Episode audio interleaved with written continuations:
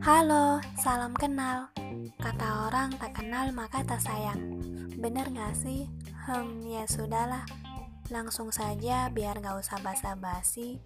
Kenalin, saya Putri dari jurusan komunikasi yang sedang belajar cerewet, jadi saya bikin deh podcast. Hihi. Sebelumnya saya sudah pernah mempublish beberapa podcast saya. Semoga kalian nyaman dengan suara saya maksudnya tidak bosan. Kalian bisa juga berbagi pengalaman ke saya. Oke, salam kenal. thank you